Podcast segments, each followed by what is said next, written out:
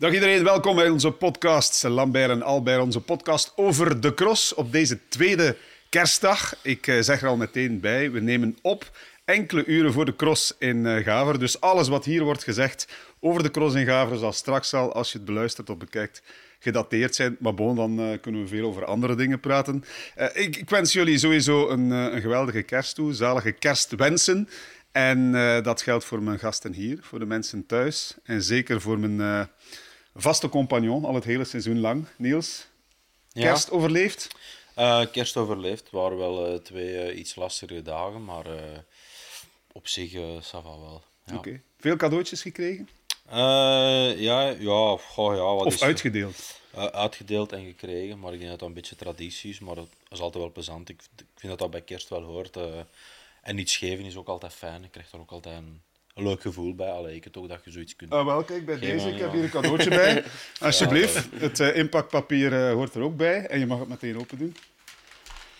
Ja, oei, het enthousiasme is al beperkt. Ja, maar dat zal wel wat zijn. Ja, het, het, past helemaal bij de Niels Albert van de voorbije weken. Ah, je draagt tof. elke week een pet. Ja, ja klopt. Ja, ik heb uh, mijn haar laten doen, maar ah, ferm, jong. Ja. En, en, en, en, een van onze gasten zal ook content zijn, want... ik vind dat geweldig, Niels. Het zijn petjes Goed. die werden uitgedeeld op de cross. Ja, ik vind uh, ja, top. Ik zou mijn eigen eens in beeld willen bezig zien, maar ja, alleen goed, ik zal het laten opstaan. Hè. Voilà. Goed. Um, ja, er hoeft niks terug te komen. Hoor. Het is oké. Okay. Ja, heb, nee, maar ik, ik ga het ook bij kloten hebben het is nog nieuwjaar. Ja. Goed, uh, sorry. Uh, mijn gasten die krijgen vandaag geen cadeautje, maar we gaan ze wel voorstellen. Ga, ga jij ze voorstellen? Of, uh, ja, ik wil, jawel, jawel, ik wil dat wel doen. We hebben ja, alle twee wel legendes, denk ik, in hun vak. Ehm, we hebben enerzijds Sven, die jaar en dag concurrent van mij geweest is en toch wel, ja, toch wel bij de grootste aller tijden is, zullen we toch maar zeggen. Daar zijn verschillende meningen over, maar ieder zijn tijdperk, denk ik. Maar als je ziet wat Sven allemaal gepresteerd heeft door zijn carrière, kun je alleen maar koerspetje af. Hè. um, en dan aan de andere kant uh, ja, heb ik uh, Everett Rob, hè. Um, gekend door zijn uh, YouTube-kanaal en dat soort zaken allemaal. Ik volg hem ook. Um, dus ja, het is altijd leuk om, uh, om beide dan in hun, uh, in hun vak bezig te zien. Dus, ja. Absoluut. Leuk. Klopt dat een beetje? Is dat, is dat voldoende als uh, voorstelling? Dat of ontbreekt er nog iets? Nee, nee, nee, dat is meer. Voor mij is dat meer dan voldoende. Voor mij was het ook goed. Ja? Ja? ja. ja. Ik, ik had nog aan iets anders gedacht. Want dat zijn meervoudige wereldkampioenen in de cross. Jij bent een meervoudig Belgisch kampioen, Rob. Maar niet in de cross, hè? Vertel ik, eens. Uh, ik, ben, ja, ik ben meervoudig Belgisch kampioen, maar in allemaal de verschillende disciplines. Dus in uh, hobbyhorsing, dus stokpaardrijden, ben ik uh, Belgisch kampioen geweest in 2021. Goed jaar gehad. Uh, dan Belgisch kampioen... Goed paard dat jaar. Ja, goed, goed stok gehad ook daar. Dat was de, de benen zaten goed en zo. Dan ehm, vorig jaar Belgisch kampioen pompoenracen in Kasterlee. Uh, een beetje een uitleg geven, want ik denk dat er veel mensen niet dus, kunnen volgen. Um, stokpaardrijden en stok, pompoenregatta. Dus stokpaardrijden is eigenlijk um, hoe dat je ja, vroeger deed alsof je op een paard zat met een stok tussen je benen, met zo'n plusje paardenkop. Da, daar, uh, daar zijn blijkbaar ook wedstrijden van. Uh, en dat is heel populair in Finland. Uh, en in België hebben ze onlangs dan voor de eerste keer het Belgisch kampioenschap gedaan. En ik dacht, ah, misschien moet ik daar eens aan meedoen en dan zien we wel hoe dat, hoe dat verloopt. En ik heb daar uh, alle wedstrijden behalve één uh, gewonnen. En dan ben ik uiteindelijk all-round Belgisch kampioen geworden in stokpaardrijden. Um, en dan pompoenracen in, uh, in Kasterlee. Dan, in Kasterlee, dat, zijn, dat is blijkbaar echt zo'n pompoenendorp.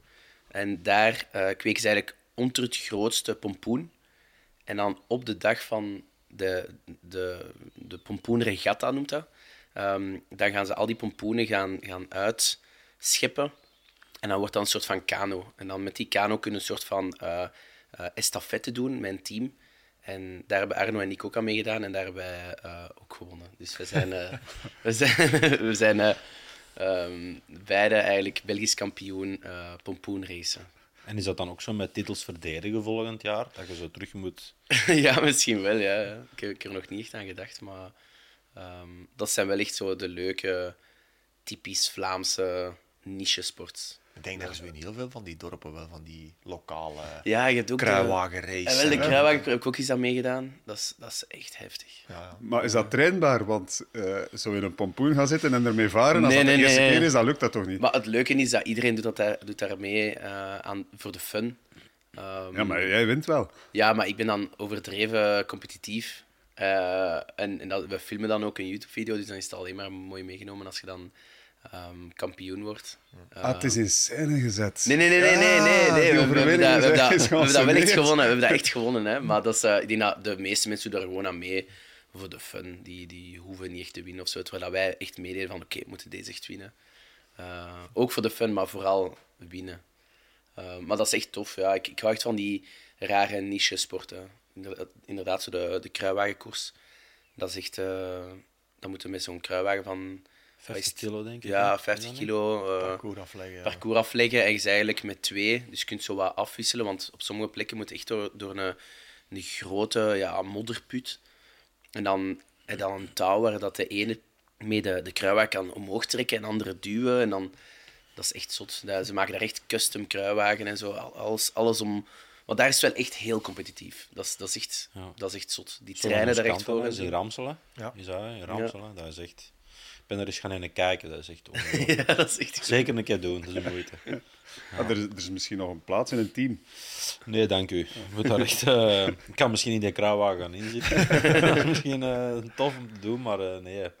Dat is echt super lastig. Bij ons in de tijd hadden ze zo in Tremelo en dus fans zal al weten, als ook zo de boomstaanwedstrijd. En op een gegeven moment was dat iets lokaal.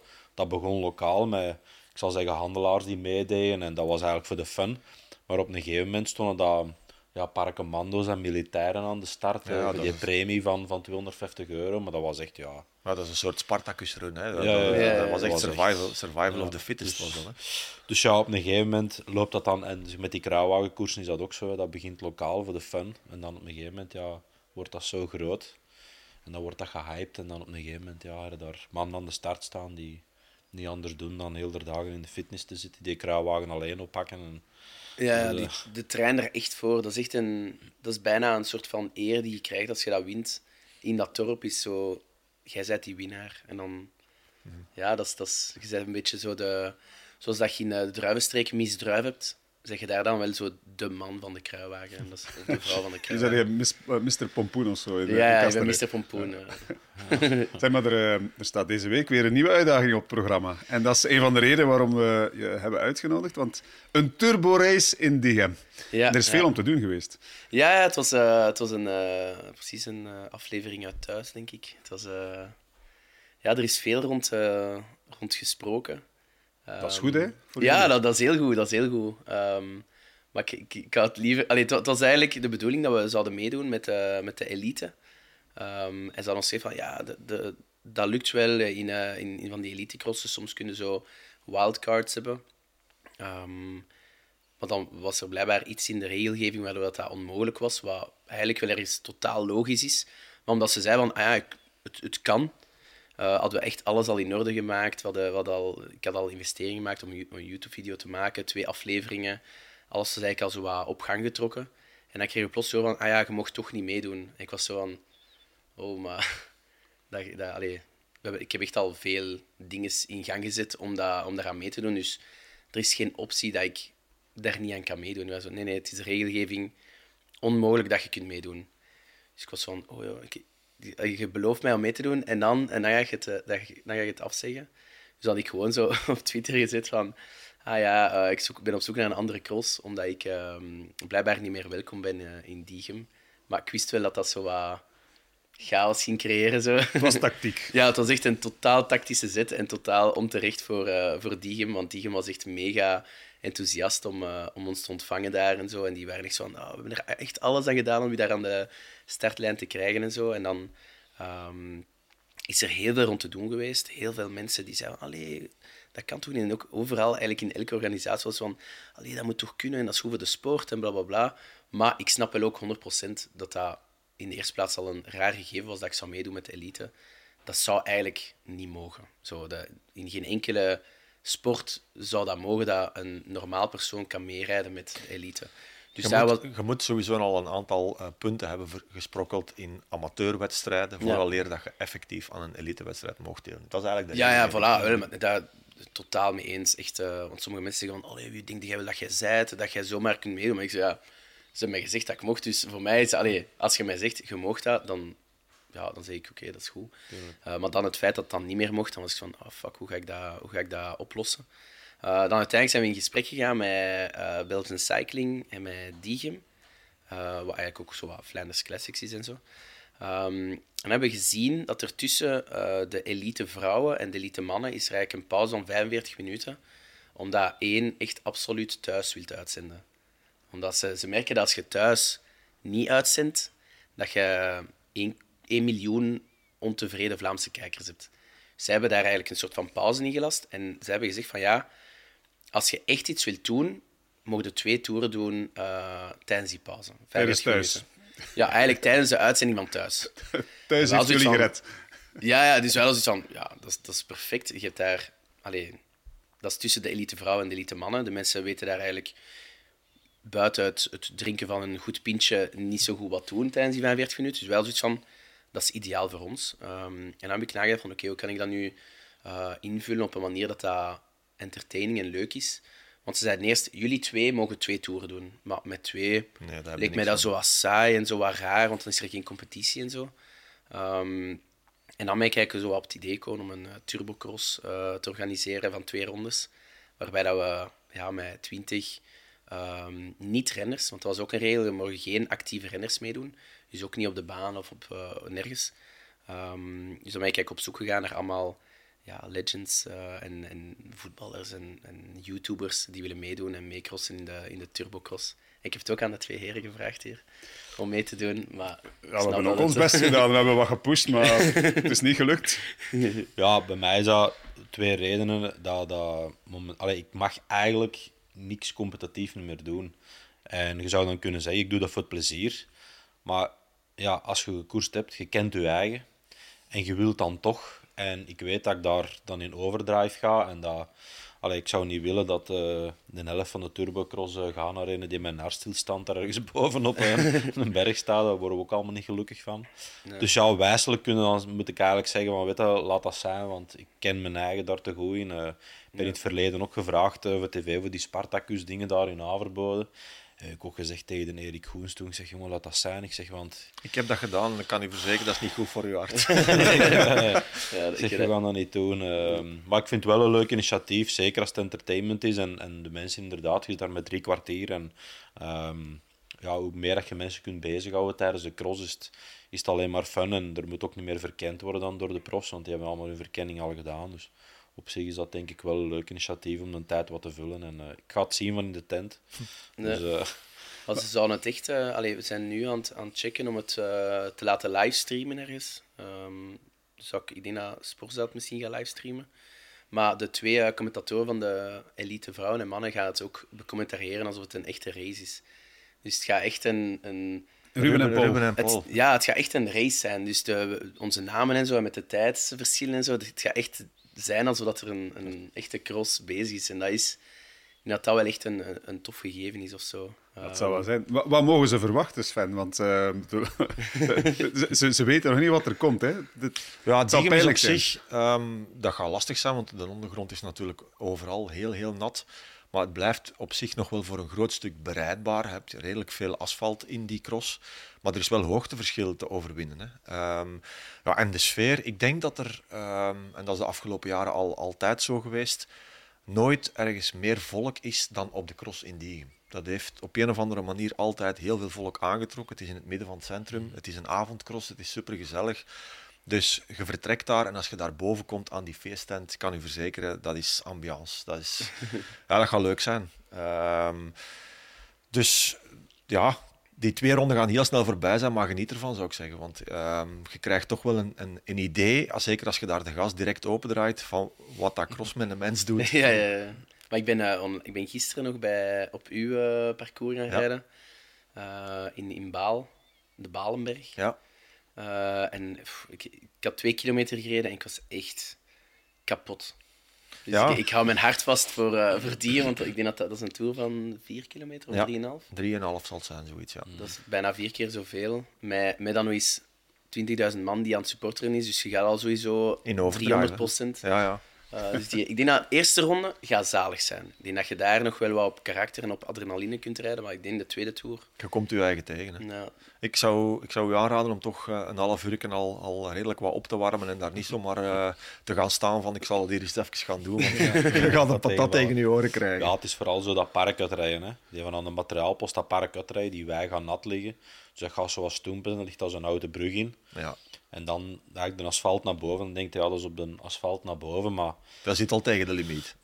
Als je de asfalt opdraait, dan zit hij vaak al op de limiet. Ja. En dan moet er nog eens, uh, wat is zo lang zou dat zijn? 300, 400 meter toch? Ja. Gaat dat toch wel, uh, tot als je dan like, zou, boven aan het treinspoor nog een bruggetje ingelegd, normaal gezien, voor het volk. Dus dat gaat pikken.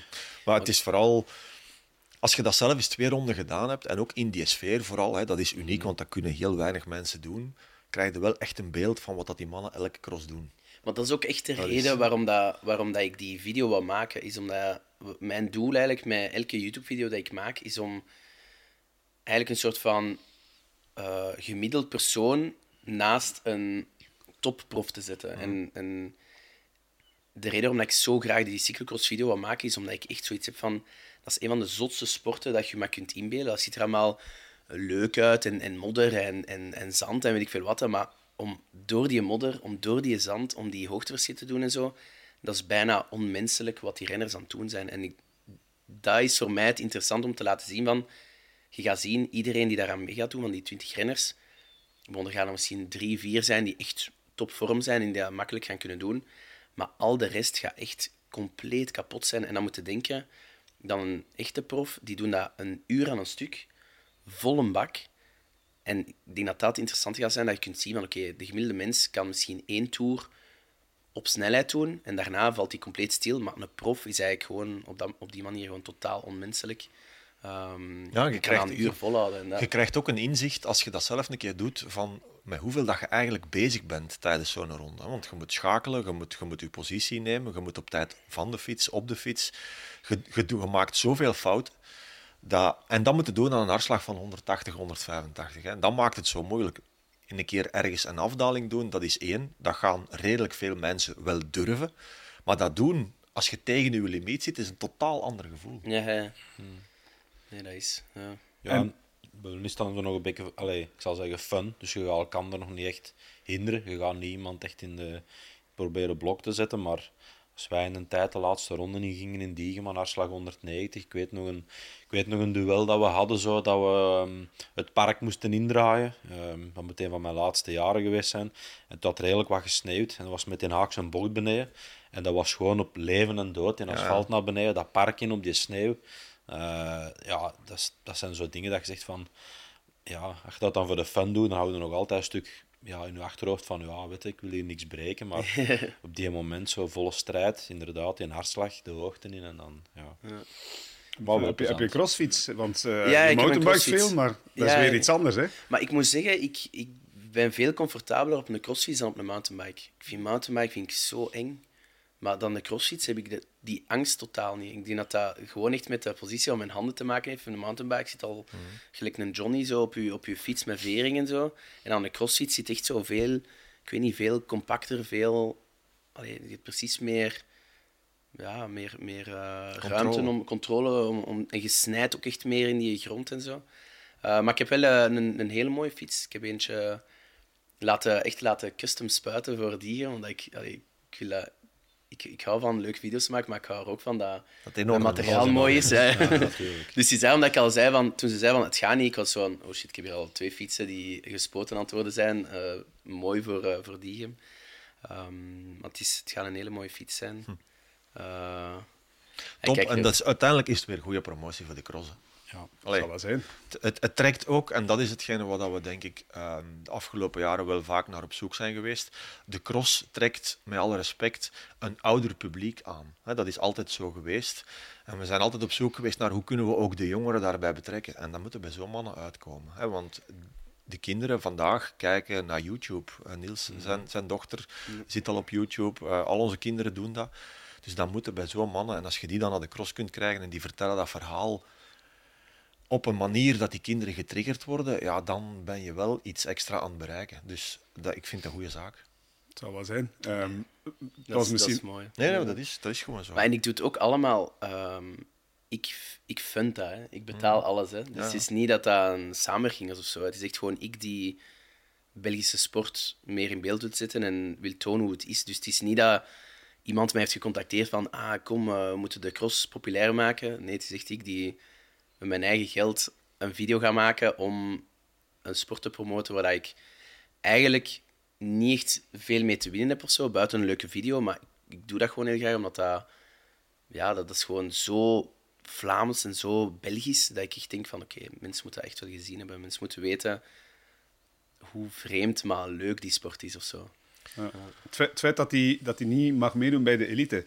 Er, er is ook veel om te doen geweest dat bijvoorbeeld een Japanner uh, twee weken naar Europa komt en hiermee gaat crossen. En dan uh, ook uit de wedstrijd moet stappen omdat hij gedubbeld wordt. Maar als je punten heeft, heeft die heeft punten ergens in Japan. Ja, als die ergens daar klopt. C2 of, of, weet ik veel wat wedstrijd rijden en die pakken daar wat punten, zijn ze startrechtig. En als zij dan, met alle respect, als zo iemand de moeite maakt voor een trip richting allee, de kerstperiode te komen, iemand van inderdaad Japan of whatever, um, vind ik dat je die jongen op zich al moet toelaten, omdat hem allee, al de mm. moeite doet voor van daar naar hier te komen.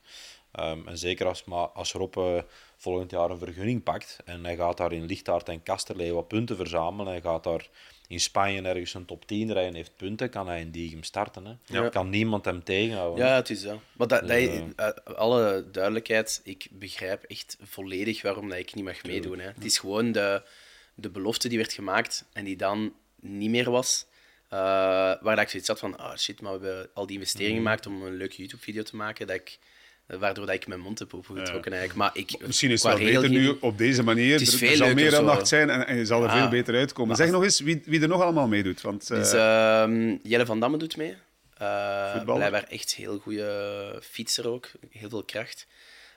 Bas Tietema van Tour de Tietema ex-profrenner, nu uh, ploegbaas bij Tour de Titema. Die is uh, ploegleider ook van Landerlook, zeker? Hè? Ja, ja, ja die rijdt nog in zijn ploeg. Ja. Uh, dan hebben we nog Richard Groendaal. Ja. of is het Richard? Richard. Richard. Richard, Richard, Richard Groendaal. We hebben um, Fabian Keijaerts, is ook een online een, een YouTuber, social media guy, die ook echt heel goed kan fietsen. We hebben Acid, uh, Nathan van der Gunst. Is dat een fietser? Uh, niet echt, maar vijslos, dus uh, ik denk wel... dat is wel op de, dus dat, op de fiets. maar dat is... uh, dus dat is heel goed. En dan, wacht, ik ben er een paar... Ja, Sven van Toerenhout ook zeker, hè? Sven van Toerenhout doet mee, Angelo de Klerk doet mee. Ja, dat zijn toch wel, eh, die staan toch nog allemaal scherp en Er, er staan er wel een paar bij die, waar dat ik echt van denk, oké, die gaan echt wel strijden om te winnen. Uh, dan denk ik echt aan zo Sven, Angelo, Jelle, uh, Fabian, Bas. Dat zijn zo wat de vijf echt mensen die vooraan gaan rijden, denk ik. En dan, ik ga er zo wat uit faden naar Tour 1, denk ik. Um, maar er doen ongeveer 20, 20 mensen mee die, die het willen proberen. Um, en ik denk dat dat wel het gaat sowieso kei zijn, denk ik. Ja. Kijk, ik kijk er mega erg naar uit. Ik weet dat ik echt ga sterven, want het is echt wel... Cross is echt wel echt heel intensief. Zeker die intervalletjes constant en zo. Um, maar het gaat sowieso kei zijn. Voor, voor, elke cross, hè, als, we, als we interviews doen, dan, dan gaat het over de bandenkeuze en over uh, de materiaalpost en dit en dat. Kunnen jullie ook van, van fiets wisselen of is dat uh, uh, te hoog gegrepen? Het, het, kan, maar het zijn maar twee toeren op zich, dus ik denk niet dat veel mensen dat gaan doen. en ik heb ook maar één mooie fiets. Ja, maar in dus, Diegem gaat dat ook niet. Of twee ronden gaat dat in Diegem niet nooit. En de bandenkeuze? Wat, wat kan je maar Denk ik. je moet toch wel wat meer grip hebben dan dan een gewone Griffo-profiel. Zeker als je daar beneden in, aan, de voetbal, het voetbalplein komt. Uh, en ook om naar boven te rijden, vooral je het asfalt opdraait, gaat hem met je gewoon droog profiel, zou ik maar zeggen, gaat het, gaat er niet toekomen. Maar en ik, heb wel een vooral, goeie, ik heb een goede band, denk ik. En vooral ook de spanning, de, de bandenspanning gaat belangrijk zijn. Als je daar denkt van ik pomp daar 4, 5 kilo in, dat gaat niet werken. Ja. Nee, rond de 2 zoiets. Dat is ook al veel. Ah, dat is ook al veel, oké. Okay. Een kilo en een half. een goede vraag na de wedstrijd is, en Rob, waar zijn uw longen nu op deze? op welke brug liggen ze? Daar, ja, ja, Wat staat er in brand? Alles. Ik heb, ik heb ook een superhoge hartslag. Dus uh, allee, uh, als, ik, als ik inspanning doe, kan ik echt naar 208, 210 gaan. Dan zijn topsporters zijn al meestal van, oef, als ik dat heb, dan ben ik dood. Of, uh, want jij hebt vaak een lagere basis hartslag ook. Hè? Want je zei daarnet 180, 185, maar voor jullie is dat toch echt ja, het met, heeft ook met leeftijd te maken. Hè. Ik, ik kon als ik uh, junior was ook nog naar 200 gaan, maar als je wat ouder wordt, was dat nog maximum 102, 93. Maar er zijn ook van nature renners. Ik, ik herinner nog Adrie van der Poel. Ik denk nooit dat hij in zijn leven boven de 180 is geweest. Dat is ook een beetje aangeboren. Mm. Johan Museeuw was ook zo iemand. Die man reed uh, 637 per uur tegen 110 hartslag, bij wijze van spreken. Um, maar dat is bij iedereen een beetje een beetje anders. Maar wat, wat ik al kan meegeven is, er gaat in Diegem bij de profs geen ene crosser aan de start staan met een hogere bandendruk dan 1,5 ah, is dat, ja? Oké, okay. dat is goed om te weten. Zijn er nog zo tips die jullie ons kunnen geven om zo, zo goed mogelijk uh, het is het moment. door Diegem cross te gaan? Dat je niet vol moet opdraaien na het parkje, want dan liggen we smikkel in de tent op dat asfaltje. Zo. Dat kan tegenvallen. Ah, ah ja, ja, dat mocht, dat mocht je naar boven. en wat vooral belangrijk is, eet niks meer drie uur voor de koers. Ah, drie uur, oké, oké. Want het ligt allemaal ergens in de, op Degenberg. Ik denk echt wel dat er een paar... Uh, je maag moet leeg zijn. Maag moet leeg zijn, oké. Maar wel genoeg carbs. Opgeladen in je spieren. Oké, en wat is zo een goede... Um, goed avondeten de dag ervoor? De dag ervoor? Nee, nee, nee. Je moet drie uur voor de koers. Uh, dus je gaat starten om... Om acht zijn wij. Ah, wel, rond een uur of uh, vijf zou ik nog wat pasta eten of, of uh, iets van koolhydraten. Ja. Geen vezels, geen, geen eiwitten, gewoon een beetje pasta. En na drie uren is dat verteerd. Als je niet uit, dan ga je een frietje halen. Hè. Als je dat doet, dan heb je een probleem. ja, ja. Een goede rijst met ketchup, dat doen ze ook. Oh ja, voilà. Ja, zoiets bijvoorbeeld. Dat is goed. En als ontbijt? Havermout. Havermout, voilà. Een banaan, uh, wat wit brood, wat confituur. Oké.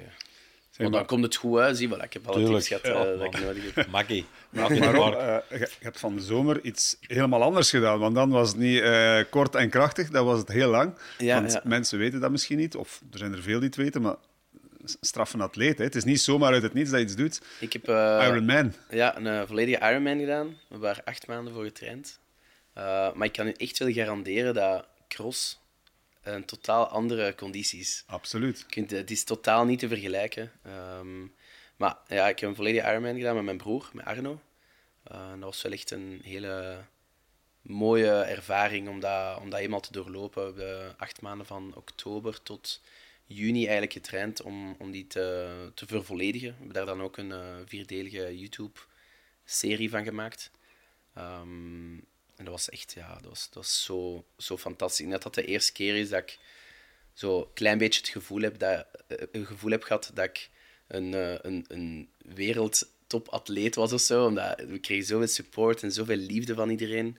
Dat, ja, voor zo'n matig resultaat. Allee, heel goed resultaat voor mij persoonlijk, maar ik had, ik had er 12 uur 26 over gedaan. De, de wereldtop doet er dan zo 7 uur 50 over. Dus ja, maar dat, dat uitdoen alleen al is een prestatie op zich. Ja, dat is wel waar. Dat is wel waar. Na 180 kilometer nog een marathon lopen, dat is niet iedereen gegeven. Iemand die uit het niets een Ironman doet, dan gaat het niet over een tijd. Het gaat gewoon over, haal je de finish, dan, dan is het een wereldse dat is, dat is inderdaad, dat is vooral niet in het rood gaan. Ja. Zo weinig mogelijk in het rood. Net ja, voilà, exact. Het, is net het andere, de andere kant van het spectrum. Want ik, ik, ik had wel zo het gevoel dat als ik dan de marathon had uitgelopen, want ik was ik was heel goed in uh, het eten en in het drinken. Zo echt de nutritie deel van, van de Ironman, dat ik echt perfect. Dus ik heb, uh, op geen enkel moment was ik echt zo... Um, leeg. Leeg. Ja. Behalve na het fietsen, na die 180 kilometer, dat ik echt van... Holy shit, hoe ga ik hier nu nog 42 kilometer lopen? Maar ja, vanaf dat ik begon te lopen, had ik zo het gevoel van... Ah, ik ben eigenlijk echt nog wel fris, ik ben eigenlijk nog wel goed. En ik kwam over die lijn, ik weet dat nog, ik was super emotioneel. Maar na uh, zo tien minuten na mijn finish was ik eigenlijk echt nog altijd heel fris. Was ik echt zo nog van, alright, kom, we gaan voor Arno supporteren. En, en ik liep dan zo naar waar de Arno aan het lopen was. En ik liep even met hem mee. En, en ik was eigenlijk echt heel... Uh, ja, ik had echt nog precies zo nog energie om, om, om nog iets te doen. En ik denk dat dat echt... Dat is echt die nutritie. Dat is de, ze noemen dat zo de vierde discipline van, de, van een mhm. triathlon. Mm. Als je dat echt snapt, dan kun je echt... Dan, de, de reden waarom dat veel mensen een triathlon niet eindigen, is omdat ze die nutritie niet snappen. En dan crashen die en hebben die krampen, of dan, dan zijn ze misselijk, of weet ik veel wat. Maar als je dat snapt, dan kun je echt heel ver geraken. Je moet op tijd een blokje op het vuur gooien. Ja, zeker. En eigenlijk, je moet, je moet het blokje op het vuur gooien voordat het, het vorige op is. Ja. Dus je moet eigenlijk het bij, bij geven, eigenlijk. Het is niet gelijk in een auto dat je... Ehm, gaat tanken als je tank leeg is. Je moet eigenlijk de hele tijd blijven vol tanken. Wat te zeggen, als je, als je volledig leeg bent en je wilt dan aanvullen, dan kun je niet meer tot de volledige 100% aanvullen. Terwijl als je altijd een klein beetje bij, bij tankt, dan gaat die lijn eigenlijk, je limiet, ga eigenlijk lichtjes aan naar beneden. Maar als je die volledig leeg laat lopen, dan is je limiet eigenlijk misschien nog maar terug tot 50% of zo. Allee, dat is, dat is hoe dat ik het begrepen heb. Ik ben geen professionele nutritionist of zo. Maar... maar je werd wel perfect begeleid in de, in de jacht naar uh, ja, Ironman worden. Vrij van Lierde, ex-wereldkampioen. Luc van Lierde, ook ex-wereldkampioen. Uh, en die geloofde er eigenlijk echt in van het begin al. Want het was uh, ja, Arno ook in begin 100, 100 kilo. en dat is al... Heel veel mensen denken al snel van, dat gaat niet, dat is onmogelijk. Uh, je staat te zwaar, je bent te ongezond. Uh, bij mij, ik woog uh, 81, denk ik. mijn conditie was super slecht, dus daar zei ze ook al van, ja, op dit moment, het gaat gewoon niet. Dus we gaan zien, na drie maanden, hoeveel u, u allez, hoe, hoe committed dat je bent aan dat doel om dat te bereiken of zo.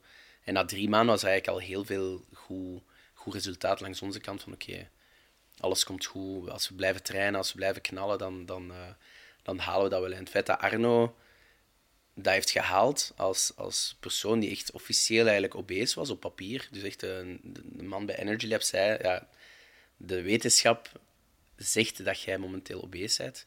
En dat hij dan toch is blijven trainen en toch is blijven knallen en acht maanden lang heeft getraind om die Ironman te finishen en het dan nog eens finished. Ik denk dat dat het meest inspirationele, mm. inspiring deel van heel die reeks is geweest dat, je, dat iedereen zich daaraan kan zetten. En dat er eigenlijk bijna geen excuus is om, om dat niet te, te, te proberen of zo. Allee, zeggen dat je er totaal geen zin in hebt, hè, maar ik denk dat je gewicht of hoe, dat je, hoe, hoe dat je zijt of zo, dat mag geen reden zijn om het niet te proberen. En Arno heeft dat echt bewezen. Dat is, dat is, ik ben super fier op hem daarvoor dat hij dat, dat hij heeft gedaan. Dat hij heeft blijven doorzetten en dat hij ja, gewoon zijn leven eigenlijk volledig heeft, heeft uh, kunnen omdraaien om, om dat doel te behalen. Dus dat is, ja, dat is echt chapeau. Stel, want um, je, je, hebt, ja, we weten allemaal waarom jij gestopt bent, Niels. Nee, nee, maar een serieuze vraag. Nee, ah, nee, nee, serieuze vraag. vraag. Ja, ja, dat kan ook. Um, een Ironman, het is niet in het rood gaan. Het is proberen dat gevoel uit te stellen, want dan weet je dat het toch fout gaat. Uh, hartslag zo laag mogelijk houden zonder de pieken van hartslagen. Mag jij zoiets doen? Zou wetenschappelijk zou dat verantwoord zijn, dat je, dat je daarvoor gaat?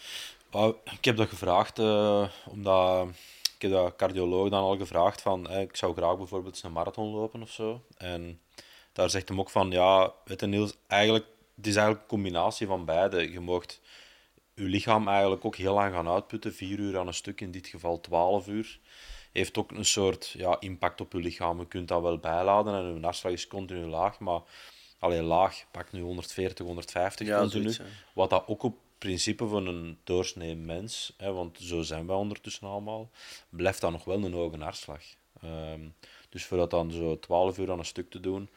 En dan komt het volgende punt, ja, wil ik dat doen? Hè? Dus dat is een beetje het, uh, het idee. Maar uh, ja, uh, ik heb er nog niet over nagedacht, maar uh, het, staat niet, uh, het staat niet op mijn to-do-list. Lijkt me eerder iets voor Sven.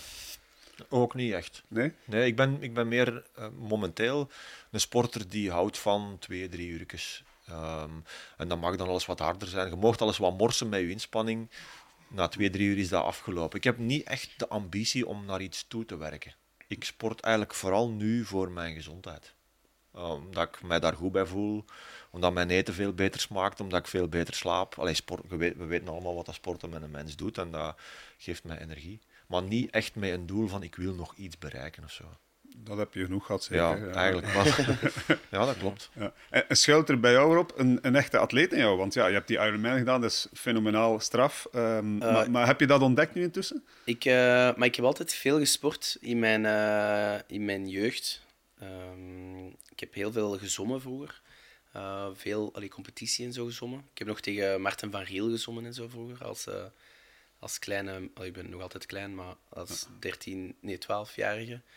Uh, en dan was ik echt ja, de top van Vlaanderen of zo, samen met alleen nog een paar anderen. Ja, ze zeggen altijd, een goede triatleet is een goede zwemmer. Hè? Ja, exact. Ja, want het zwemmen is eigenlijk wat dat niemand wil doen. Maar als je goed kunt zwemmen, dan is dat echt wel een mm. soort van...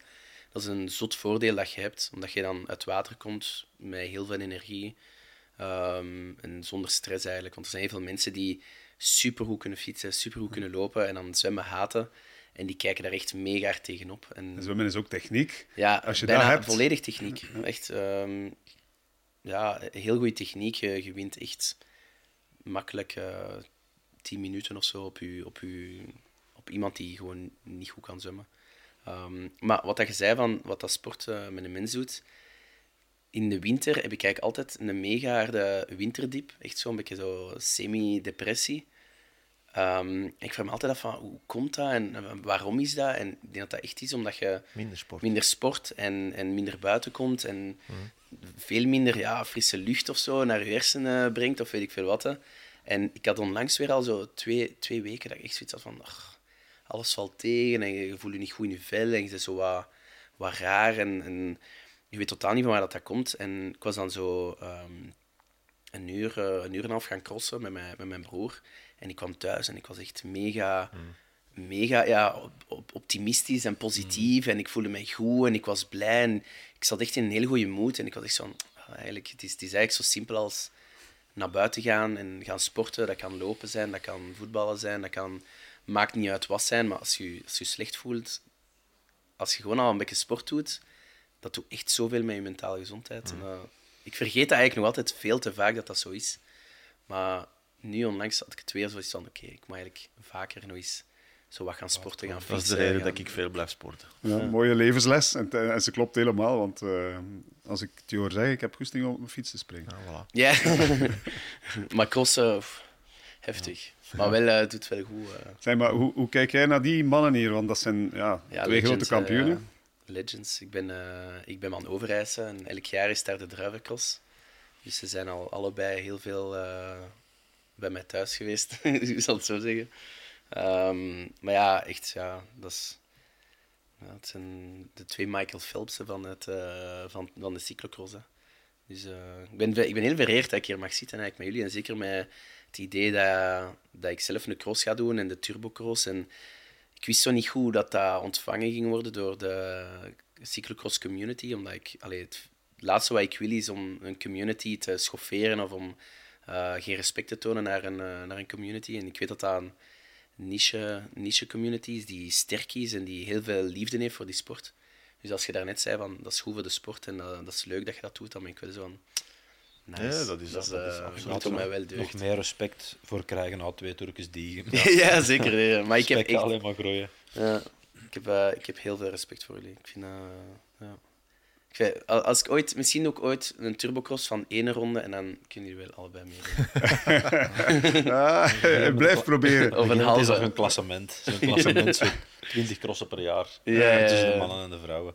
En, uh, en Sven, toen, toen jij uh, aan Thibaut bijvoorbeeld vertelde dat Average Rob kwam, Um, want hij is jonger, is van een andere generatie uiteraard. Uh, is dat iets wat hem triggert? Uh, al wat Average Rob aan het doen is, al die filmpjes? Ja, ja wat dat Average Rob doet, is veel cooler dan wat Nys doet. in, in, de ogen van Thibaut. ja, dat is, die mannen volgen dat nog veel meer dan dat wij dat hebben gevolgd. Die zijn daarmee opgegroeid. Um, absoluut. Ik denk dat er af en toe ook wel eens contact is uh, tussen Thibaut en... Ja. ik ging gisteren misschien met hem ja. Uh, crossen in, uh, op de Balenberg, maar Arno zat toen heel diep.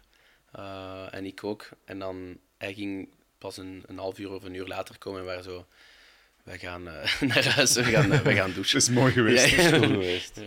Nee, nee, dat, dat wordt gevolgd. Ja, absoluut. En ook echt wel, uh, die mannen vinden dat cool. Ja, zeker. Ja, dat zou wel zijn, want we wilden hem eerst uitnodigen, maar ja, je had vandaag iets anders te doen, zeker? Ja, hè? inderdaad. Ja. Dus, ja, het is gewoon echt alle dagen nu de gas open. Hè. ook al skipte er hier en daar eentje, dan zijn we blij dat je gewoon met je beentjes omhoog in de zetel kunt gaan liggen, want het komt kort achter elkaar. Ja, nu, nu zo meteen is het Gaver, dus zoals gezegd, we, we, we, nemen op net voor Gaveren. Als, als het uh, wordt uitgezonden, dan is Gaver al voorbij. Kan je nu al zeggen wat het plan is van, uh, van de ploeg, van de renners? Wat mogen we van jou, uh, renners en rensters, verwachten in Gaveren? Ja, we weten allemaal. Bloot dus is de kroon? De grote drie staan daar aan de start, hè, zoals we die dan vaak noemen. Ehm, ik denk dat Mathieu van der Poel daar nog altijd erbovenuit zal gaan steken. Pitcock is blijkbaar was ziek geweest in de week voor de kerstperiode, dus gaat dat goed genoeg zijn? Hij gaat 110% moeten zijn om uiteindelijk van der Poel te kunnen verslagen. En ik denk dat Wout, dat gaat nog iets te vroeg zijn. Dat gaat wel ergens in de kerstperiode een keer komen, denk ik. Dat hem is echt moeite gaat doen om te volgen. Is dat dan genoeg om te winnen, dat weet ik niet. Maar wat in Antwerpen gezien heb, heeft mij wel al um, heeft wel al iets duidelijk gemaakt. Die laatste drie ronden van de Wout waren wel al kort bij de rapste ronde van Mathieu van der Poel, begin van de koers. Dus hij, gaat eens, hij heeft nog niet echt de moeite gedaan nu om te proberen volgen. Maar er gaat eens een moment komen dat hem dat wel gaat doen. En dan gaan ze wel met elkaar in de buurt zitten. Ja, dat heb ik ook eh, in de week gezegd. Dat momenteel zien we een Mathieu die een oppermachtig is.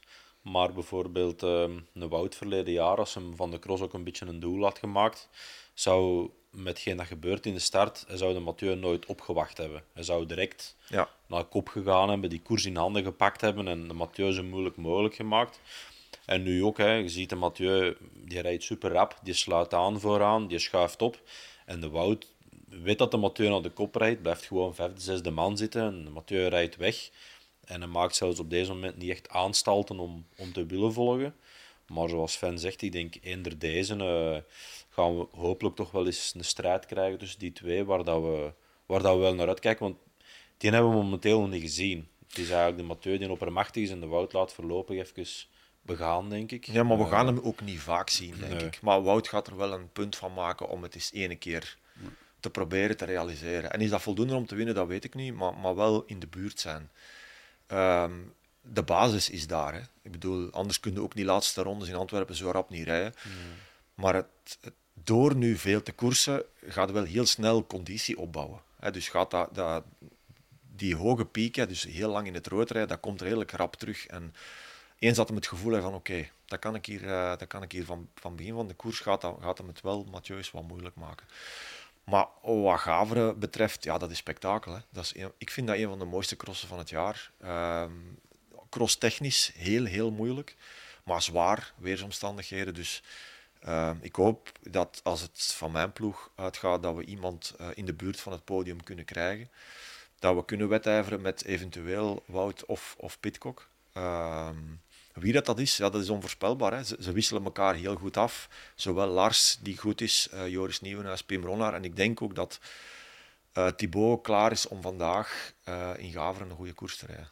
Oké, dus uh, op dit moment, als je dit bekijkt of luistert, dan weet je of, of Sven uh, gelijk ja. heeft. Hoe, hoe, want je hebt het al een paar keer moeten uitleggen dit seizoen. Hoe heb je dat voor elkaar gekregen? Of heeft de ploeg dat voor elkaar gekregen? Dat, dat de puzzelstukjes ja, van, vanuit verschillende richtingen mooi in elkaar vallen, want jullie zijn, maar er is al, de, de leading team. Ja, er is altijd een stukje geluk ook, uh, komt daarbij kijken. Mannen moeten ook allemaal echt in conditie zijn. Er wordt wel hard aan gewerkt, maar uiteindelijk heb je daar ook wat geluk nodig. Niet te veel kwetsures, niet te veel ziek zijn.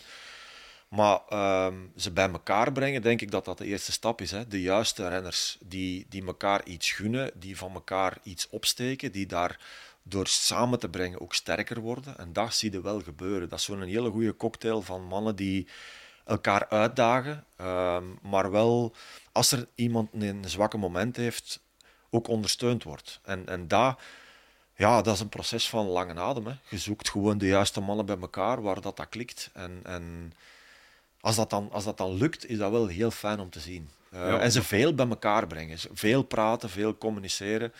Los van de individuele capaciteiten die ze hadden. Dat is denk ik het belangrijkste. Dat is wel een, een van de eerste keren dat ik zie dat er in cyclocross zo meer een, een ploegsport van gemaakt wordt dan, dan, dan daarvoor. En ik vind dat wel chic. Ik heb, dat, um, ik heb ook een paar uh, crossen gezien, maar dat de, ja, de grote drie dan niet aan de start staan. En dan is dat wel mooi om te zien dat er dan twee uh, ja, en... aan, de, aan de top zitten. En dat je zo ziet van oké, het is echt wel zo het is precies dat je ziet dat ze het elkaar gunnen of zo. Ze maken elkaar sterker. Ja, en wat, wat we vooral ook geprobeerd hebben, omdat we ook zien van kijk, de cross evolueert constant. Er is zo'n gigantisch drukke kalender, waar wij nu zoiets hebben van als je dat als individueel atleet, Eli is daar nu een uitzondering, hè, hij doet dat ook fantastisch. Maar dat is, niet, dat niet iedereen gegeven om een heel jaar al die crossen van al die klassementen op een heel hoog niveau te presteren. Dus laten we nu een keer vier mannen bij elkaar zetten. Laten we daar een goede balans in vinden van wie rijdt waar. En dan gaan we overal aanwezig zijn, niet met de volledige ploeg. Maar wel de juiste renner op het juiste parcours op het juiste moment. En zo hebben we Joris Nieuwenhuis vroeger op stage laten gaan. Om, om dan op een andere manier te scoren dan een aantal anderen. We zijn er niet altijd met iedereen, maar we zijn wel overal aanwezig. En dan is er een stukje geluk bij nodig, maar het pakt dit jaar wel heel goed uit. Bij de dames is dat een beetje tegengevallen, omdat we Lucinda niet hebben kunnen uitspelen helemaal in het begin van het seizoen door een zware kwetsure, operatie en zo verder. Ehm, nu valt dat ook allemaal wel een beetje terug in de juiste plooi. Maar ehm, er is wel over nagedacht. Uh, wie zetten we in welke koers aan de start? En dan is de factor geluk op het einde ook nog belangrijk. Dat, dat net bijvoorbeeld een Pim Bronnaar winnaar geworden is. Dat Joris Nieuwenhuis die stap ook heeft gezet. Ja, Straf ook van Lucinda Brandt, dat hij van Zeker. zover terugkomt en ook uh, Ja, ja dat is voor mij denk ik de, de grootste... Uh, daar ben ik het meest blij mee, want dat is niet zo evident. Hè. Lucinda komt nu tussen de iets oudere generatie. Eh, dan kan je links of rechts gaan. Zo van, ja, ik heb het allemaal bereikt, ik teken nog een contract en, en we zingen dat wel uit en, en ik ga er wel het beste van maken. Maar Lucinda is scherp, attent, zoekt opnieuw naar details om toch maar die jonge generatie het moeilijk te maken. En dat vind ik wel heel mooi om te zien. Die gaat ook blijven knokken tot de laatste dag van haar carrière. En ja, we hebben haar dat vertrouwen gegeven en zij geeft ook nu blijk van vertrouwen naar ons toe van ik ga er ook blij, blijven keihard voor werken en dat is wel heel fijn om te zien. Denk je dat ze fan van Empel één keer kan kloppen? Het zou kunnen. Ze, ze, is althans voor de moment de enige die ze kan volgen. Hmm. En is dat genoeg om te winnen? Als het de omstandigheden heel zwaar zijn, acht ik ze momenteel wel in staat. Het gaat niet elke koers gebeuren, maar ze komt toch aardig in de buurt voor het moment, vind ik. Dus, ja. stel, dat we naar een, stel dat we naar een WK gaan in Tabor, dat een lastig parcours kan worden. Dat bijvoorbeeld de sneeuw begint te dooien en um, dat dat echt in ondergrond heel, heel lastig wordt. Dan gaat Lucinda naar boven komen met haar, met haar vermogen.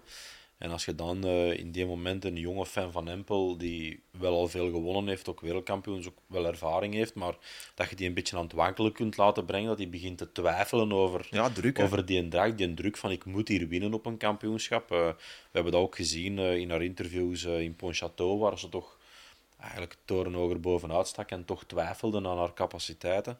Um, als dat op het WK gebeurt en je kunt daarop inspelen, Um, en je kunt een beetje zeggen, kijk Rafem, uh, jij moet hier winnen vandaag. Hè. Als je die druk kunt opleggen aan haar en je kunt daar op een goede manier van profiteren. Het zou een goed moment zijn om het, om het één keer te doen. Ja, maar er zijn er nog. Hè. Het gaat niet alleen over Lucinda natuurlijk. Uh, maar momenteel ja, ben ik wel heel blij mee met wat ze doet. Absoluut. Ja. Redelijk zot. Um, hoe, hoe, kijk jij naar, uh, naar, naar, de cross? Want ja, je doet nu wel mee donderdag, maar kijk je echt veel crossen? Ik kijk, uh, als, ik, als ik kan, dan kijk ik wel echt, heel graag naar de cross. Um, vroeger was het misschien iets um, nipter, waardoor het iets spannender was. Maar dit seizoen is uh, overal waar Mathieu aan meedoet, is het gewoon echt na een ronde of een ronde en een half, twee rondes. Eigenlijk zo wel gereden. Soms drie minuten. Ja. ja. Uh, maar langs de andere kant is het ook wel chic om te zien. Uh, ik let dan eigenlijk vooral meer op. Um, nu dat ik meedoe, let ik heel hard op uh, technieken en zo. Om omdat ik, ik ben iemand die heel visueel leert. Um, dus bijvoorbeeld de opstap op de fiets.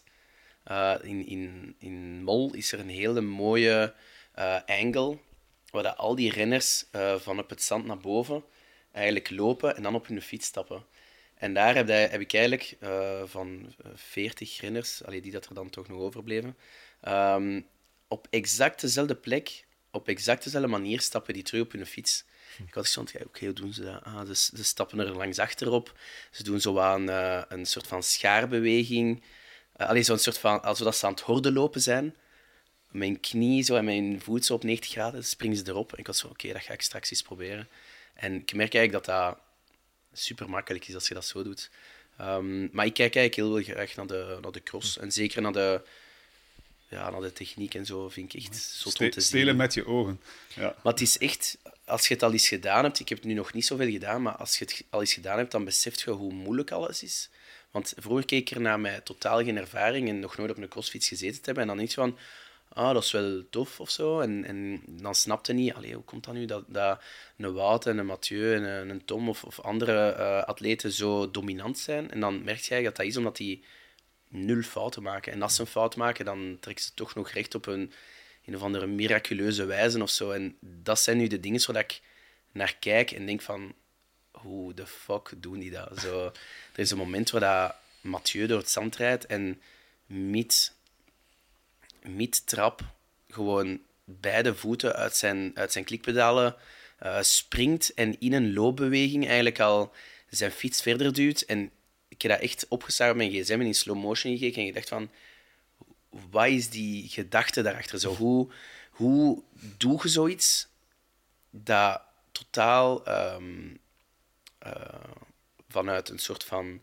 automatisme is of zo, want het ding is, die, die komt vast met zijn fiets in, in dat zand, of hij voelt dat er tegenwerking is, hij springt eraf en zijn fiets verliest geen snelheid. Dus die, die, die, die loopt even snel als dat hij zou fietsen door dat zand. En dat is zo raar. Het is precies dat hij een soort van um, ja, aanhangsel is van zijn fiets of zo op het moment. En zo'n ding is dat, dat, vind ik geweldig. Dus dan kijk ik daarna en denk ik van, wauw, dit is, dit is fantastisch. Bijna een soort van kunst of zo, om dat te kijken. Ja. Het raar is als je dat op tv ziet, of je gaat je kijkt op tv naar de cross, dan denk je, goh, ça va.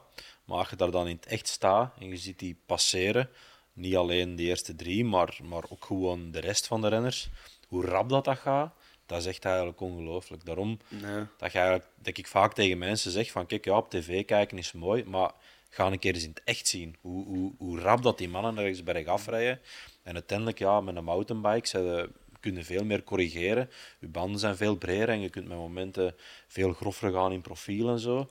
Maar als je ziet, oké, die Rino, dat is dan het grofste profiel. Maar uiteindelijk hadden ze een grof profiel, maar zoveel stelt dat ook niet voor. Als ze vandaag in Gaveren zitten en ja, tegen regent en het begint nu zo wat op te drogen, die ondergrond, dat is zo wat klei ondergrond, dat begint te plakken. En dat is een schaafboel strak. En dan denkt je, ja, we gaan met een Rino rijden, we blijven wel recht. Maar dat is echt niet uh, zomaar vanzelfsprekend. Nee, het respect zal alleen nog maar groter worden. En ook hoe stijl alles is. Dat is. Want op tv zie je vaak zo, ja, ze rijden zo. Eh, Digim is eigenlijk een perfect voorbeeld van hoe beeld eigenlijk totaal niet overeenkomt met de realiteit. Je hebt die, uh, die, die berg op het die, wat je zou denken, asfalt. Ah, dat is wat Gelle mm zegt, van daar zit je echt op je limiet. Maar als kijker denk je, ah, dat is op asfalt, dus dat is chill. en dat is een moment waar, dat je kunt, waar je dat kunt recupereren. Maar ja, dat is, dat is een mega vinnige berg, maar je ziet dat gewoon niet op beeld. En dat is met al die afdalingen en al die momenten dat die van hun fiets moeten springen. Allee, als je van een fiets moet springen om iets op te stappen, dan moeten we wel weten dat dat zo stijl is dat dat onmogelijk is voor een profrenner om op te rijden. En dat, je kunt dat niet in beeld uh, dat gewoon niet, vatten. Je moet er staan om te zien hoe stijl zo'n berg is, inderdaad. Dus, het uh, opspringen kan voor hem geen probleem zijn. Zo'n stokpaardjes. Je ook van die moves maken. Ja, maar zo, dus, uh... die techniek had ik inderdaad al. Dat is, ja. Heb je iets geleerd van, van Mathieu van der Poel? Want je hebt een paar weken geleden een video ge, ge, ik gedropt of gelanceerd, maar dat was met de mountainbike. Dat was met de mountainbike en daar moet ik echt zeggen dat ik heel veel schrik had op een mountainbike. Um, ik vind mountainbiken echt eng. Dat ja, dat visuele van zo rotsen. En, en, want dat was in Beringen, geloof ik. Ja, dat is echt eng. Dat is zo stijl allemaal. En ik weet niet, ik, ik ben ooit eens heel hard op mijn bek gegaan met mountainbike. En die angst is er zo altijd ingebleven. Maar die angst hangt enkel vast aan een mountainbike. Dus als ik op een cyclocross zit, zou ik totaal niet zoveel schrik hebben. Dus het is zo... Het is echt het mountainbike gegeven. Ik heb daar zo een mini-trauma aan. En daar... daar mm. Ik heb, ik heb mijn mountainbike zelf niet meer. Ik heb die teruggegeven aan, uh, aan Canyon. Ik wilde echt zo hier. Je mocht hem terug voor mij. Maar heeft, niet, uh... heeft hij niks kunnen uh, bijbrengen in functie van, van de cross? Of ja, toen was het nog niet geweten dat de cross er zou zijn. Ja, to, toen was het wel al zo wat het plan om het te doen. Um, Maar ik heb ook ooit eens een cyclocross-video gemaakt met, met Mathieu. Maar dat was wel vrij basic. Dat was echt zo van, oké, zo moet je opstappen, zo moet je een bocht nemen en zo. Ehm, maar ja, ik denk dat Mathieu, de, ik denk dat het belangrijkste is, wat dat hij zei, was om, om ja, gewoon met, met, met confidence uh, te rijden en, en te vertrouwen in je fiets. Ah, ik denk ook gewoon om... Ik dacht te vertrouwen op je conditie. In zijn geval is nee, dat nee, gemakkelijk natuurlijk. Hij zei ja, maar conditie... Sven van Toerenhout zei dat ook tegen mij. Die zei ja, conditie gaat je niet kunnen trainen op 30 dagen. Dus het gaat, je kunt beter veel gaan rijden en, en comfortabel worden op je fiets en technieken leren en van die dingen dan nu conditie te trainen. Want op 30 dagen kun je bijna echt alleen weinig hmm. geregeld krijgen of zo. Zeg, en gaat hij nu een Ironman doen? Want dat, dat was een deel van, uh, van de video zeker, hè? de uitdaging die er kwam voor Mathieu van der Poel. Uh, ah ja, uh, Mathieu zou een, ooit een Ironman doen. Um, hij had eigenlijk bijna meegedaan met de halve Ironman in, in Portugal. Maar, Dit jaar? Ja, maar dan, uh, dan zei hij van... Hij had gezegd van, ah, dat is misschien wel interessant. En uh, was er echt zo naar aan het kijken van, ah, zou ik misschien meedoen? Maar dan, uh, ja, gewoon, ik denk dat... Allee, voor een profrenner zoals hem, dat kind dat er gewoon bijna niet in passen. Dat is, dat is onmogelijk. Dus hij heeft wel beloofd om ooit een volledige Ironman met ons te doen. Maar ik denk dat dat pas voor over vier, vijf, zes, tien jaar gaat zijn. Na de carrière. Ja. na de carrière. Of als hij misschien een rustigere carrière heeft en hij wil dat gebruiken als soort van training dan, dan zie ik hem dat wel doen. Maar hij kan blijkbaar uh, veel beter zwemmen dan dat mensen denken. Want hij is met Louis Talpa dan eens gaan zwemmen. Um, en Louis Talpa zei tegen mij, van, ik was echt wel verbaasd van hoe goed dat hij kon zwemmen eigenlijk. Dus ik denk dat dat is die, ja, die alles goed kan. Het is een fenomeen, hè? Het is echt een fenomeen, En ik denk dat, dat, we, dat we de beste versie van Mathieu van der Poel ondertussen uh, bijna nu gaan krijgen. Maar dat, dat denken we altijd. En ja, dan, maar en dan blijft komt nu ook op een leeftijd, ja. zodat alles bij elkaar komt. Ja. Uh, dat de juiste, voor de rest. De juiste voorbereiding, de juiste ervaring, de juiste kracht, uh, kwetsurenvrij, alles bij elkaar. Dus, allez, wat dat je nu ziet, hoe dat hij in het veld rondrijdt, dat, is, dat is van een heel, heel, heel hoog niveau. Ja. Want uh, dat, dat had ik ook gezien, dat um, blijkbaar in was het, Mol of Antwerpen, had uh, Wout vorig jaar gewonnen aan een gemiddelde snelheid van 26 of zo. En dit jaar was Wout dan 26,5 van het rijden. En Mathieu was nog een minuut voor. Dus dat was maar dat is wel moeilijk om dat te vergelijken. Hè. De, mm. ene, de ene keer is er ik weet niet veel wind, en de andere keer is er geen wind, uh, veel Duitsland, ja. weinig Duitsland. Maar vorig jaar bijvoorbeeld, die Zandstrook moesten ze al lopen. Dit jaar reizen er een heel stuk verder door. Ah, dus dat scheelt allemaal wel veel. Het gaat vooruit. Het gaat gigantisch vooruit. Uh, wat hem momenteel aan het doen is, is, is de perfectie benaderen. Hè. Ja, dat is heel simpel. In vergelijking met, want jullie waren ook al bij echt ja, wereldtop in, eh, in het veldrijden moest er een, moest een Mathieu bijvoorbeeld in jullie tijdperk geboren zijn. Dan zou ik dat... veel minder gewonnen hebben. Ja. Want dat is, dat is een... Allee, ja, ik denk dat de technieken en zo vroeger misschien wat minder... Uh, ja, dat is moeilijk. Reden, ehm, als ik dat nu ook zie, hoe dat die mannen soms een, een, berg naar beneden komen, wij waren al blij dat we wat, wat snelheid konden minderen. Die hmm. mannen kunnen stoppen. Maar die mannen rijden vandaag met schijfremmen, wij rijden met velgremmen. Ah, ja, Die fietsen zijn totaal anders. Ik heb nog een heel groot deel van mijn carrière gereden dat er eigenlijk geen groffer profiel dan een uh, Griffo-profiel was. Hè. Dan moesten wij met hele dikke banden gaan rijden, met heel weinig druk in. Dus dat is heel moeilijk te vergelijken. Ja. Maar ehm, ik ga niet verklaren dat ik die jongen heel vaak ging verslagen hebben. Wat dat hij doet is gewoon extreem ik denk het allergrootste verschil denk ik, met de carrière die wij hebben gehad en, en wat die gasten nu hebben, is gewoon ook de, de kennis denk ik, die er is. wij komen een beetje uit een tijdperk, ja, we, hadden, we hadden een Polar hè, en we hadden een beetje een wattagemeter. En daar werd wel op getraind. Maar als je ziet nu hoe dat die, de wetenschap geëvolueerd is naar, naar training, naar voeding, naar optimaliseren van alles. Ik denk dat daar nog meer kan. Allee. Wij zouden nu ook een andere atleet zijn dan dat we toen waren. Maar, als Mathieu van der Poel toen met een hartslagmeter had gereden, dan ging hij ook rap rondgereden. ik wil maar zeggen, dat is heel moeilijk met elkaar te vergelijken. Mm. Maar wat dat hij doet is. Ongelooflijk. Ja. ja. Dat, je, kunt, je kunt daar alleen maar met open mond zitten naar te kijken. Ja. En, en de enige vorm van kritiek die er kan zijn, is van ja, het is niet spannend. Want dat is ook belangrijk in een sport. Maar... Dat heb ik ook gezegd. Ik heb daar ook kritiek over gekregen. Ik stond in Nederland als op de koers. En ik moet zeggen dat ik al een fantastisch crossseizoen heb gezien. Ik heb ze allemaal live meegemaakt. En dat was altijd spannend. Mm. Ehm, en, en, en je wist niet wie dat er ging winnen. En dat was ook bijna elke week een andere. Dus dat was heel mooi voor tv. Langs de kant, er was ambiance, er was sfeer. En nu ging ik in Nederland als naar de cross met het idee, ik weet wie dat er dadelijk de koers gaat winnen. En ik hoop dat je heel lang gaat wachten voordat je een aanval plaatst, dat er beleving op de cross gaat zijn. Ook al heb ik ongelooflijk veel bewondering voor de manier hoe dat je daar rondrijdt. Maar als mensen op voorhand weten, ze kijken naar een voetbalmatch en ze weten van ze gaan hier vandaag met 3-0 winnen, gaat het toch met een andere beleving naar die match kijken dan dat je daar gaat gaan kijken als je niet weet wie dat er gaat winnen. En dat gevoel had ik daar. Dat was daar ijzig stil op de cross. En, en dat vind ik soms wel jammer, want ik ga naar de cross met het idee van oh, dat moet hier een feest zijn en er moet ambiance zijn en je moet de renners horen komen.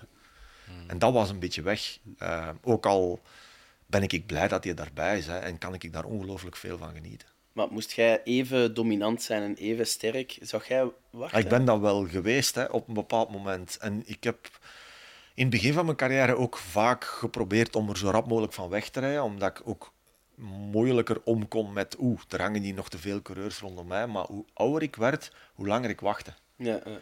Omdat ik er ook wel van genoot om zo dat moment te kiezen in een van die laatste rondes en dan met een aanval op te zetten. Ja.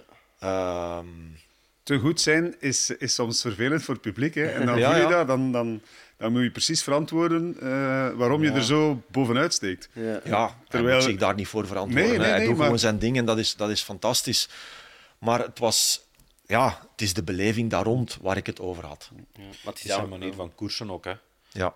De, de generatie nu uh, is gewoon direct vanaf minuut 1 de kraan open. We hebben dat, eh, Joris Nieuwenhuis ook het afgelopen seizoen al eens een keer zien doen. Ik denk dat hem redelijk vroeg, eh, Valdizole bijvoorbeeld, ja. kunnen zeggen, ja, dat is een heel specifiek parcours, maar hij rijdt er uiteindelijk ook weg. En ik denk als je als renner voelt van, ja, ik ben hier goed, ik, ik wil die koers in handen pakken. Ehm, ja, dan komt dat, dat winnersmentaliteit boven, dat temperament, en dan wil je toch die koersen zo rap mogelijk eh, in je voordeel laten kantelen. En dat is bij de Mathieu hetzelfde. ding. die eerste koers zo een keer zien van ik ga de kraan eens opentrekken na twee, drie minuten en eens zien hoe rap rijd ik nu effectief. En het was rap genoeg, dus uh, het ging redelijk rap. Ja, maar ik raad toch aan van elke cross in de kerstperiode te blijven zien, want er gaat een moment komen dat ze in mekaars buurt gaan zitten. En je dat... Ik weet niet wanneer, hè, maar het gaat gebeuren. De, de reden waarom dat um, Wout en, en Mathieu en Tom zo dominerend blijven, is dat denk je puur genetisch? Of is dat omdat zij op de weg eigenlijk ook heel veel aan het doen zijn, eigenlijk heel het jaar door heel goed begeleid worden in, in, in het trainen en weet ik veel wat? Nee, want er zijn nog coureurs die uiteraard op de weg koersen. Denk aan Quinten Hermans bijvoorbeeld, heeft ook een ronde van Frankrijk gereden en zo verder. Tim Merlier en, en zo verder. Het is de combinatie van. Hè, dus de, het genetische, um, de werkload die ze er tegenover zetten, het kunnen presteren onder druk. Ehm, alles bij elkaar klopt gewoon bij die mannen. En die worden gewoon niet elke tien jaar geboren. En nu hebben we gewoon geluk dat er daar twee, want ik, ik zet in de cross toch Van Aert en uh, Van der Poel nog net iets hoger, schat ik hoger in dan, dan Pitcock. Pitcock op een paar parcoursen wel, maar niet, niet, op, allemaal. niet op alles. Ehm, maar dat is, dat is de combinatie van. En als we nu zeggen dat de crossers daaronder een andere uh, niveau is, dan kunnen we dat ook van 90% van het wegpeloton en van het mountainbike-peloton zeggen. Hè. Dat is gewoon zo. Ja, daar is niks mis mee. Het zijn, allemaal hele strafatleten en er steken er een paar echt bovenuit. Ja. Dus, uh... En jullie, jullie, uh, want jullie zijn, allee, jullie, jullie scouten waarschijnlijk ook wel wat talent en zo. Is er momenteel zo'n 13, 14-jarige meisje of jongen waarvan jullie denken van oké, dat is de volgende Wout, dat is de volgende Mathieu die zo dominerend is dat ik denk van oké, over vijf, zes jaar hebben we het al iets gezegd hier in, in de podcast, die gaat echt potten breken. Bij Mathieu kon dat zien. Maar bij Wout kon ik dat niet zien tot, laten we zeggen, hij was toch al belofte. Hij was toch al, bij de jeugd was dat een heel tenger, klein ventje waar je niet het idee van had dat gaat hier straks een, eh, een potentiële Ronde van Vlaanderen, Parijs-Roubaix winnaar zijn, die negen ritten in de Tour gaat winnen ik kon dat niet zien. Dat is, dat is heel snel, op korte termijn is dat, is dat een man geworden, hè? is dan een atleet geworden. Uh, bij Mathieu konden dat wel zien. Maar fietsen die momenteel rond, kan daar toch, ik kan, want dan zou ik het nu direct ook kunnen, kunnen, kunnen hier Dat zou ik ook niet zeggen. Hè? Dan jawel, ja. jawel, Ja, jawel. jawel uh, van dat niveau zie ik ze niet direct. Nee. Goed, we zijn al over het uur aan het gaan, dan moeten we meestal afronden. Ik heb nog wel een belangrijke vraag. We hebben het had, gehad over de, de turbocross uh, van, uh, van donderdag in Diegem en over het eten dat je die dag moet nemen zit daar nergens volle van bij. Want Rob, uh, average, average ik, Rob zonder volle van, dat, dat lijkt me niet. Ik heb volle van in mijn vriezer staan. Uh, acht porties, nee, vier, vier vijf porties, zoiets. Uh, dus het kan, maar ik weet niet of het aangeraden is om de dag, dag ervoor misschien. De dag ervoor. Hè. Ja, dat is toch pas met een beetje pasta. Dus. Met een beetje pasta. Maar ik, en met de vlindertjes, die, die ja. eet ik ja. graag. Ja. Maar volle van met pasta, underrated. Hè. Ja, super lekker. Volle van met penne eet ik vaak vroeger. En dan keken mensen altijd raar naar mij. Ik zei, maar ja, dat is toch gewoon een saus. Is heel lekker. Ja, absoluut. Ja. Oké, okay. de mensen leren jou beter kennen nu. In Expeditie Groenland ook zeker, hè? Ja, ja zeker. Ja. Ja, ik, heb af, ik heb alles gebingewatcht. Ja? Ik vond het fantastisch. Hij komt er ook weer heel goed uit. Hè. Het, is nu al te, ja, het is nu al te bekijken en het komt binnenkort ook op televisie, zeker? Hè? Ja. Ja, dus uh, op Play 4 uh, vanaf 8 januari. En dan uh, nu eigenlijk al volledig op streams te bekijken. Ja. Te binge-watchen eigenlijk. Ja. Maar dat wel een goede 8 uur nodig om alles te zien. Ik heb alles gezien. er is weinig cross tegenwoordig, dus wel dat tijd om te kijken. zeg, en eh, Victor Verhulst zit daar ook in. Ja. Waarom rijdt hij niet mee donderdag? In Ja, wel, ik heb hem gevraagd, maar hij is op vakantie. Maar ik denk wel dat eh, hij had wel meegedaan, want dat is echt een, een hele fanatieke... Die heeft nog gekoerst vroeger. Hè? Ja, wel, hij Wel? zei het. Ja. En, en eh, is op vakantie. Ik kon niet even over en weer naar, eh, naar die gaan. nee. Eh, kan zich wel een privéjet eh veroorloven, denk. Maar nee, ik denk, eh, ik denk dat hij gewoon ja, op ja, jaarlijkse kerstvakanties met de vriendin en de familie of zo. Ik heb niet echt gevraagd naar de reden waarom. Maar ehm, ja, er zijn, er zijn wel een paar mensen dat ik dacht van oké, die zouden wel echt goed passen. Die, ehm, die op vakantie zijn. Zoals een Louis Talpe, denk ik ook wel dat het goed past. Ehm, Sommigen vinden graag een excuus, hè, dus eh, we weten dat al. Maar is kijk, het is, een, het is een eerste aanzet. Misschien volgend jaar een, eh, een vervolg. Hè. Ja, ik, er komt heel veel enthousiasme rond en heel veel liefde. Dus ja, wie weet, misschien volgend jaar ehm, komt het terug. Momenteel is het gewoon een leuke alternatief voor mee te doen met de, met de elite. Maar wie weet, ja. het, zou wel, allee, het zou wel tof zijn om elk jaar zo'n doel te hebben. Misschien dat volgend jaar voor het goede doel georganiseerd kan worden, voor de warmste week of zo. Ehm, maar alles staat open. Het is, de fun hebben is de prioriteit. En ik denk dat dit wel de juiste optie is om extra veel fun te hebben in eh Diegem. En te sterven ook een beetje. En wie weet, maken we er een eh, regelmatigheidscriterium van. Hè. Dan maken we acht crossen zo. Hè. Super prestige turbo cross. De, ja. eh, de Turbo GP. De wereldbeker, ja. Ja, ja. Goed, ik wens je veel succes donderdag in, eh, in Diegem. En, en ook een goede pint achteraf en weet ik veel wat. Zeker, zeker. En, en Sven en Niels, dankjewel. Deze tweede kerstdag.